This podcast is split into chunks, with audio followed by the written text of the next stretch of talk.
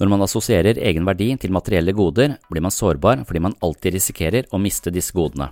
Det er også slik at sammenhengen mellom materiell velstand og et lykkelig liv er svak. Når vi har det vi trenger for å overleve og en rimelig inntekt, vil ikke flere tusenlapper per måned utgjøre noen særlig forskjell. Hvis du lever rundt fattigdomsgrensa, vil du imidlertid oppleve livet som langt bedre med høyere inntekt. Men idet du har plassert deg i middelklassen, vil gevinsten av mer penger eller flere statussymboler redusere sin effekt ganske raskt. Et tredje moment knytta til motivasjon fundert i materielle gevinster er at disse verdiene ofte overkjører andre verdier som ærlighet, omsorg og medfølelse for andre.